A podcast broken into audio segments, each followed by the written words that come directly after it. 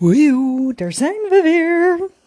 Tijd voor een nieuwe tijds Biztalk podcast aflevering. En dit keer over healingen en onbewuste overtuigingen. Het is een belangrijk onderdeel van het nieuwe tijdsondernemen. Um, als je shift naar een manier van ondernemen waarbij je uitgaat van je intuïtie, vanuit de law of attraction of alignment, waarbij verbinding, impact maken, de start zijn van waarop jij resultaten behaalt. In plaats van heel resultaatgericht, daadkrachtig en doelgericht. Werken, werken, werken, play hard, work hard. Begin ik gewoon even opnieuw. Yo, yo, yo. Nieuwe tijds Bistalk podcast tijd. Een podcast voor ondernemers die het op hun eigen voorwaarden willen doen. Een podcast voor ondernemers die um, hun intuïtie, verbinding met anderen, um, vertrouwen in zichzelf en het grote geheel als basis stellen voor het maken van impact en het behalen van resultaten. Dat is nogal een shift met hoe we het in het ondernemerslandschap zien of altijd uh, wat we hebben geleerd. Um, daar hangt een enorme tendens van work hard, play hard of gewoon heel hard werken, want anders bereik je niks. Wat misschien ook niet zo heel gek is, hè? want als je uit een gezin komt met een uh, boerenfamilie, dan uh, ja, kun je wel zeggen, ik voel hem even niet. Maar ja, als er geoogst moet worden of de dieren moeten eten krijgen, dan heeft niemand iets aan jou, ik voel hem even niet. Dan moet er gewoon hard gewerkt worden. Nou, in die nieuwe tijd waarin we leven, waarin jij een ondernemer bent die een dienst verkoopt, die een eigen expertise verkoopt, is dat wel even anders. En toch zitten we dan nog vaak vast in dat soort oude patronen van je moet wel hard werken. Je moet wel nuttig bezig zijn. Waarin het belangrijk is om veel geld te verdienen, om groter, sneller, meer te doen. Waarin we bepaalde strategieën of modellen leren die werken.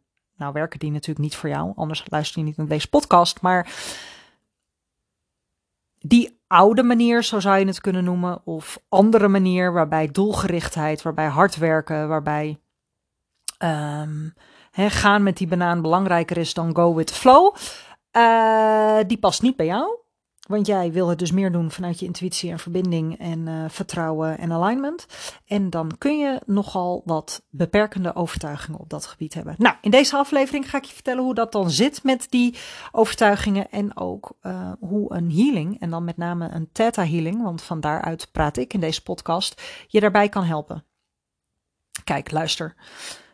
80 tot 95 procent van wat we überhaupt doen wordt gestuurd vanuit ons onderbewuste. Dus we denken allemaal heel rationeel te zijn of uh, goede redenen te hebben waarom we wel of iets niet, iets doen. Uh, maar dat is helemaal niet zo. Want je wordt gewoon gestuurd vanuit dat wat je onbewust over jezelf en over de wereld gelooft. En die dingen kunnen positief zijn. Super, lekker hou zo. Of die kunnen negatief zijn. En in het ondernemerschap, zeker wanneer jij um, een dienst verkoopt, een expertise verkoopt, uh, iets bent gaan doen omdat je daar de wereld een mooiere plek mee maakt, zou het zomaar kunnen dat stemmetjes of gedachten die iets in de trant zijn van wie zit er op mij te wachten, uh, kan ik hier wel genoeg geld mee verdienen, ben ik wel goed genoeg, is dit wel waardevol genoeg, zou het zomaar kunnen zijn dat die stemmetjes ook bij jou zo af en toe, of misschien wel vaker dan je lief is, langskomen. Onbewuste overtuigingen zitten daaronder. En um, die onbewuste overtuigingen, die heb je op een aantal niveaus. En het eerste niveau waar die onbewuste overtuigingen ontstaan, zijn in je jeugd. Tot een jaar of zeven staan jouw eh, hersenen in theta-staat. En dat betekent dat jouw brein de regels van het leven absorbeert. Dus dat wat jij ziet gebeuren, voelt gebeuren, hoort gebeuren in jouw jeugd tot een jaar of zeven, neem jij aan als waarheid. Dus als jij thuis geleefd hebt in een situatie waarin je ouders ondernemers waren, een bakkerij hadden en altijd heel vroeg op moesten, altijd aan het werk waren en ja, de winkel in moesten zodra ze de bel van de deur hoorden, dan zou het zomaar kunnen zijn dat je daar wat overtuigingen hebt opgedaan over de klant is koning, werk is belangrijker dan de kinderen, uh, je moet altijd uh, klaarstaan, je moet altijd uh, paraat staan. Want ja, als jij ochtends om, weet ik veel, drie, vier uur de broden niet in de oven legt, dan is er dus niks om te verkopen. Kun je je voorstellen dat dat iets doet met jouw onbewuste overtuigingen en dat dat best wel in de weg kan zitten wanneer jij nu een ook ondernemer bent, maar een ondernemer bent met een bepaalde dienst of expertise en dat je helemaal niet meer om drie uur hoeft op te staan. Dat heel hard werken helemaal niet per definitie is wat jou en je klanten verder helpt. Dat daar wat beperkende overtuigingen kunnen zitten? Goed. Ehm, dus afhankelijk van het gezin waarin je bent opgegroeid, van, afhankelijk van de vrienden, de school, de buurt, de cultuur waarin jij bent opgegroeid, heb jij in die eerste zeven jaar van je leven overtuigingen opgedaan die jij als waarheid aanneemt. Als je bijvoorbeeld altijd hebt gezien dat jouw moeder zich wegcijferde voor het gezin, omdat ja, pa werkte nou eenmaal hard en uh, moeder moest voor de kinderen zorgen, dan kun jij nu nog zo'n onafhankelijke, zelfstandige uh, moeder zijn of vrouw zijn met kinderen dikke kans dat daar onbewust toch nog best wel wat tegenstrijdige overtuigingen of schuldgevoelens naar boven komen piepen, die te maken hebben met dat wat jij vroeger hebt gezien bij je vader en je moeder thuis. Een ander niveau waarop onbewuste overtuigingen ontstaan, uh, zitten in het systemisch, zitten in, op het familieniveau, op het genetische niveau. Stel je voor dat jouw DNA is opgebouwd uit stukjes DNA van jouw ouders, jouw voorouders en dat zo zeven generaties terug. Daarom ben jij en je tweelingbroer of zus of een ander broertje of zusje anders omdat ieders DNA-streng anders opgebouwd is. En er zitten dus allemaal stukjes in van ouders en overgrootouders. En ook op DNA-niveau zitten overtuigingen opgeslagen. Dus als jij uit een familielijn komt met hele zelfstandige vrouwen, dikke kans dat jij daar wat fijne positieve overtuigingen van in jouw DNA-streng hebt zitten. Als jij nou ziet dat jouw vader niet gezien werd omdat zijn moeder depressief was en jij je nooit gezien voelt, dan kan het heel goed zijn dat je een overtuiging hebt meegenomen in jouw leven, in jouw zijn, die eigenlijk helemaal niet in jouw jeugd is ontstaan, die ook helemaal niet van jou is, maar die van je vader of moeder is. Zo had ik laatst bijvoorbeeld een klant die um, heeft het gevoel altijd iedereen te moeten helpen die om haar hulp vraagt. Nou, dat is best wel irritant, zeker als je heel duidelijk beeld hebt over je ideale klant en het soort werk wat je wil doen. Want als je bij elke vraag ja moet zeggen, omdat dat is wat je onbewust gelooft, uh, je, ja, kennen we ons ook iets bij voorstellen, toch? Of niet dan? Nou, we gingen uh, een healing doen, we gingen kijken waar dat vandaan kwam. En dat bleek dus al bij beide ouders zat dat ook. Zij had in haar jeugd al gezien dat haar beide ouders altijd iedereen moesten helpen. Koste wat het kost. Ook ten koste van zichzelf. Ook ten koste van het gezin moesten ze altijd klaarstaan voor broers en zussen. Want uh, haar ouders waren de stevige, stabiele personen in beide families. En in haar DNA, in haar genetische overtuigingen, zat dus iets met je moet altijd klaarstaan voor anderen als jij de stevige, stabiele persoon bent in de situatie. Dus ook op genetisch niveau van jouw ouders en jouw voorouders kunnen er overtuigingen zijn doorgecijpeld waar jij nu, uh, nou ja, laten we zeggen, last van hebt. Een ander niveau is ook bijvoorbeeld het maatschappelijke niveau, het collectieve niveau waarop overtuigingen ontstaan. In Nederland hebben we er een, doe maar normaal, dan doe je al gek genoeg. Herkenbaar toch of niet? In Amerika hebben we de American Dream. Wij vinden als Nederlanders die Amerikanen vaak wat overschreeuwerig wat uh, pusherig, wat aanwezig. Amerikanen hebben daar over het algemeen helemaal geen last van, want dat zit gewoon, ja, dat, dat hoort bij hun collectief. Corona was ook zo'n mooie periode waarin je die collectieve overtuigingen heel sterk kon voelen. Ik in ieder geval. ik was helemaal niet zo bang en onzeker uh, in die coronatijd. En toch kon ik me heel angstig voelen, omdat er zo'n angst in, de, in het collectief zat dat ook ik me angstig voelde. Heel veel collectieve overtuigingen komen ook uit het geloof, bijvoorbeeld.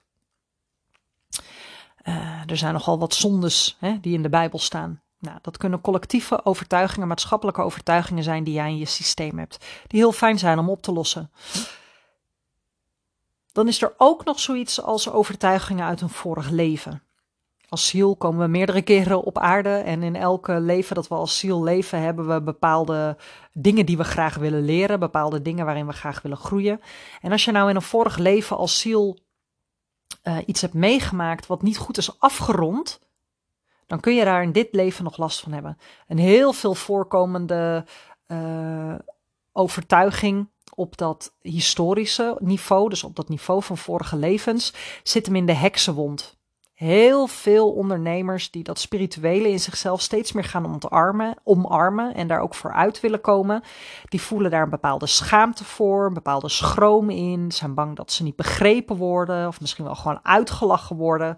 En dat heeft te maken met die heksenwond omdat velen die dat nu dus voelen, dat spirituele, in een van die vorige levens heks zijn geweest of genees natuurvrouw, hè, kruidenvrouwtje. En die daar letterlijk voor verbrand of verdronken zijn. Die als gevaar voor de maatschappij aanschouwd werden, omdat ze het anders deden dan het patriarchaat.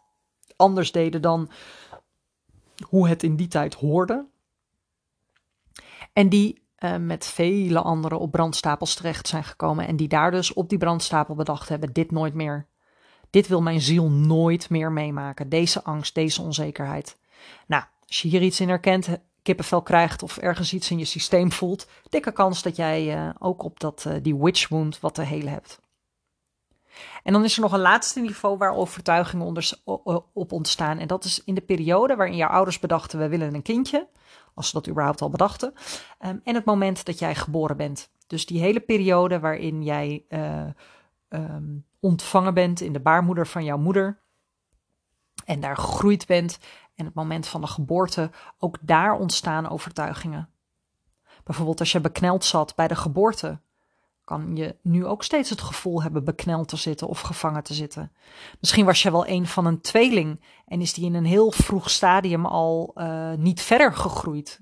Ik geloof dat uh, 1 op de 10 van ons in die eerste zes weken onderdeel was van een tweeling. Um, en misschien dat je je wel altijd alleen voelt en dat dat daar vandaan komt. Nou, zoals je wel uh, kunt horen en ook wel begrijpt, zijn die onbewuste overtuigingen op allerlei vlakken ontstaan die en die vormen dus 90% van jouw aansturingssysteem. Alleen heb je dat dus niet eens door. Nou, dan ben je dus nu ondernemer, dan wil je dat heel graag op jouw manier doen, op jouw voorwaarden, veel meer vanuit je intuïtie, vanuit waarde toevoegen, vanuit impact maken. Heb je een ontzettende missie en drive om de wereld een toffere plek te maken of om dat wat jij kan aan zoveel mogelijk mensen te helpen.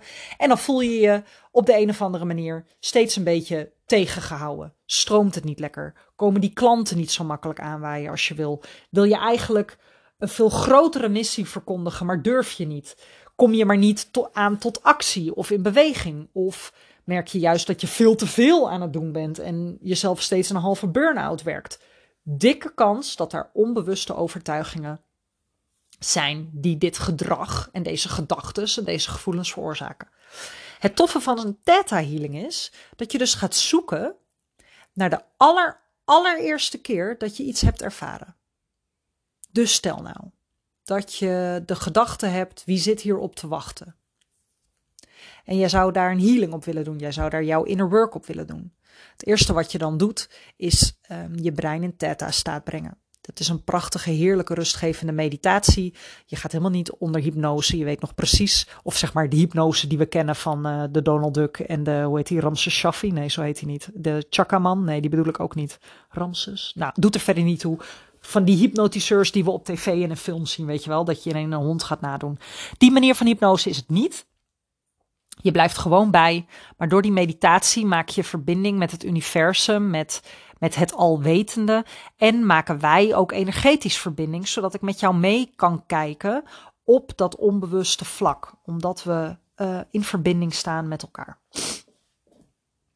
En na zo'n meditatie gaan we zoeken naar de aller, allereerste keer dat je dat bepaalde gevoel of een herinnering hebt aan, nou, het voorbeeld wat ik noemde, uh, wie zit er nou op mij te wachten? En ik heb wel eens een keer gehad dat iemand terugging naar de kleutertijd. En dat dat een meisje was dat altijd haar vinger opstak. En, um, en de juf op een gegeven moment een keer zei van, hé, hey, uh, nu niet meer hè, want jij weet altijd het antwoord. En ze zich daardoor niet meer ging uitspreken. Ik heb wel eens gehad dat iemand terugging naar um, de, de, de baby in de buik. En um, ze was een laatkomertje. En nou ja, niet echt gewenst, maar een soort van moedje. Want ja, in die tijd, uh, uh, als je zwanger was, dan, uh, dan moest je het gewoon houden. Dus ze zaten niet echt op haar te wachten. Zij heeft daar als baby in de buik die overtuiging al geïnternaliseerd Of een aller, aller, allereerste keer dat iemand dat zich herinnerde, zei: Ja, maar dit, dit, dit doe ik mijn hele leven al. Sterker nog, mijn ouders denken ook altijd dat niemand op ze zit te wachten. voelen zich ook altijd bezwaard om zich uit te nodigen op feestjes of om ergens onaangekondigd aan te waaien. Want die zeggen dat ook letterlijk. Ja, daar zitten ze toch niet op te wachten. Dus in zo'n theta healing, bij een onderwerp waar je tegenaan loopt, ga je kijken naar wat is de aller, aller, allereerste keer dat je dit hebt ervaren. En soms is dat in je jeugd, soms heb je dat van je ouders meegekregen, soms krijg je een herinnering waarvan je denkt, ja, maar ik heb gisteren een film gezien over ridders, dus dat ik nu een herinnering krijg van de riddertijd, dat heeft daarmee te maken. Nou, dat is jouw onbewuste, die voelt dat er in een vorig leven iets is gebeurd wat niet is afgemaakt, waar naartoe gegaan mag worden. En het mooie is, als je weet waar iets is ontstaan, dan kun je van daaruit kijken wat voor een moois daardoor is ontstaan. We zijn hier als zielen allemaal op aarde om ervaring op te doen, om te groeien als ziel, om door te ontwikkelen. Daarom zitten we ook in zo'n bewustwordingsshift als mensheid. We zijn, hebben een enorme ontwikkeling doorgemaakt als zielen hier op aarde en nu komen we in een nieuwe tijd. Dus jij bent als ziel op deze aarde gekomen en jij hebt uh, voordat je naar aarde kwam uh, een paar afspraken gemaakt over wat je dit keer wil leren op aarde. En um, de nare ervaringen die jij opdoet, of die nou echt zwaar traumatisch zijn of veel subtieler en kleiner, die uh, zijn overigens niet terecht en niet jouw schuld. Dat is absoluut niet wat ik hiermee wil insinueren. Hè? Want als je echt erg dingen hebt meegemaakt, dan. Uh, ja, het is niet dat jij dat per se had kunnen voorkomen. Uh, waarschijnlijk niet. Maar jouw ziel wil iets leren op deze aarde. En helaas heb jij die vervelende ervaring moeten ervaren om iets te kunnen leren. En wat is dat?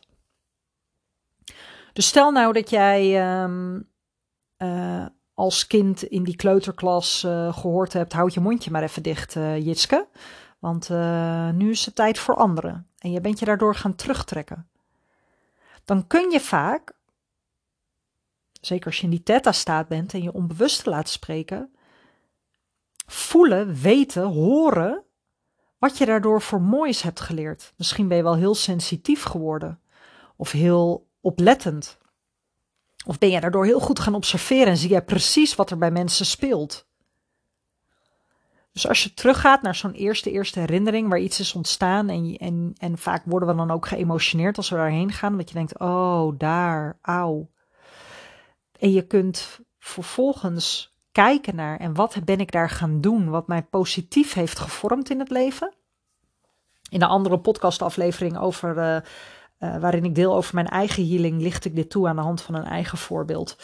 Um, maar vaak zijn jouw mooiste talenten en jouw mooiste eigenschappen voortgekomen uit minder prettige ervaringen waar negatieve overtuigingen zijn ontstaan. En dat we als mens ook een natuurlijke drang hebben tot groei en geluk, um, zijn we daar iets positiefs voor in de plaats gaan zetten. En in zo'n theta healing kom je daar dus door middel van de vragen van de healer, kom je erachter waar iets is begonnen en wat voor moois jou dat gebracht heeft. Wat voor positiefs. En dat is soms heel moeilijk om zelf achter te komen, zeker als het een hele nare ervaring of nare periode in je leven is geweest, omdat er nog zoveel boosheid en verdriet of misschien wel angst of wrok bij komt kijken. Maar op het moment dat het je lukt om daar doorheen te gaan, daar zachtheid in te brengen en te zien naar hé, maar wat is dan de les, wat is dan de virtue, wat is het talent wat mijn ziel hier op aarde wil leren en daardoor is begonnen te leren, ja, dan gaan er magische deuren open. En het toffe is, omdat je dan de healer en jij een energetische verbinding hebben, kun je vervolgens in een healing, in een meditatie, in, met een commando en een download of het installeren van bepaalde gevoelens en nieuwe overtuigingen, kun je het oude eruit halen. Want nu zie je dat dat wat je aan het leren was, geleerd is. En dan heb je het oude niet meer nodig om het steeds weer opnieuw te leren. En op het moment dat je het oude er energetisch uit kunt halen en je kunt het nieuwe daarvoor in de plaats zetten, dan is een onbewuste overtuiging geheeld. Dan is daar een nieuwe overtuiging, onbewuste overtuiging, positief gezien voor in de plaats gezet. En dan ga je je lichter, luchtiger, rustiger voelen en zul je merken dat dat waar je eigenlijk last van hebt, wie zit er op mij te wachten, dat je in ene wel gaat uitspreken. Of dat je in ene wel die nieuwe doelgroep gaat aanspreken. Of dat je in ene wel die ene podcast start. En ik vind dit zo'n tof onderdeel van het inner work. Dat komt kijken bij die, die ondernemers die die persoonlijke groei zo serieus nemen als onderdeel van hun werk en van wie ze zijn en van het leven. En om dit dan te kunnen doen en de shifts te kunnen zien die er dan ontstaan, nou, dat is echt waanzinnig vet. Het is ook de reden waarom het voor mij niet losstaat. Als mentor voor nieuwe tijdsondernemers is dat inner work een belangrijk onderdeel van wat ik doe. Om van daaruit te kijken naar welke strategie past er dan bij jou. En soms komen er wel eens, ik neem even een slokje water klanten bij mij die zeggen: Ik wil uh, zichtbaarder worden, ik wil mijn verhaal meer gaan vertellen. Tof. Nou, dan kunnen we kijken naar strategieën die daarvoor nodig zijn. En hoe je goede content maakt. En, en, en wat voor een contentstrategie er dan bij jou past. Is absoluut een belangrijk oordeel. Maar eerst wil je kijken of daar nog onbewuste overtuigingen onder zitten waarom je het nu nog niet doet. Want we kunnen een prachtig plan maken hoor voor jouw content ben ik ook goed in. Ik heb niet voor niets jarenlang in de marketing en in de sales en in de communicatie gewerkt in mijn werkende leven. Um, maar ja, als je volgens een prachtig plan bent en even heel geïnspireerd bent, omdat ik nou eenmaal nog aanstekende, aanstekende uh, inspiratie kan zijn voor anderen, en vervolgens doe je niks, dan ga je je slecht voelen over het feit dat je niks doet. Dan voel je je schuldig naar mij omdat je weer niks gedaan hebt, terwijl er eigenlijk nog een onbewuste overtuiging onder zit. En die combinatie is magisch. Goed, daar ga ik het bij laten. Als je het nou leuk vindt om te horen hoe ik zelf uh, onlangs nog zo'n uh, healing heb doorgemaakt en wat ik daarin geheeld heb en hoe dat proces voor mij ging, luister dan even naar de andere aflevering waarin ik vertel over die ervaring.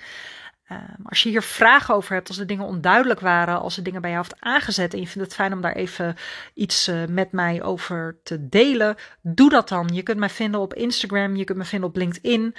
Um, wil je meer weten over een traject bij mij? Ga dan even naar mijn website. Uh, je kunt direct naar jitsklochtenberg.nl slash coaching gaan. En als je het nou tof vindt om dit soort gesprekken over dit soort onderwerpen in het echt voor te zetten. Elke maandagochtend start ik met een groep nieuwe tijdsondernemers, de Magical Monday Morning. En dat is een uh, drie kwartier lang op maandagochtend om negen uur de week starten met een heerlijke meditatie en intentie. Soms zelfs ook gewoon even een kleine groepshealing. En daarna gesprekken over deze kant van het ondernemen. En met deze kant bedoel ik die kant waarbij intuïtie, rust, law of attraction, alignment um, het onderwerp van gesprek zijn. Om van daaruit impact te maken, doelen te bereiken en dromen te verwezenlijken. Als je daar meer informatie over wil hebben, kun je gaan naar jitsklochtenberg.nl slash mmm van Magical Monday Morning. Uh, of stuur me gewoon een berichtje als je meer informatie wil hebben. Hey, dankjewel voor het luisteren. Super tof weer. En uh, je hoort me bij de volgende.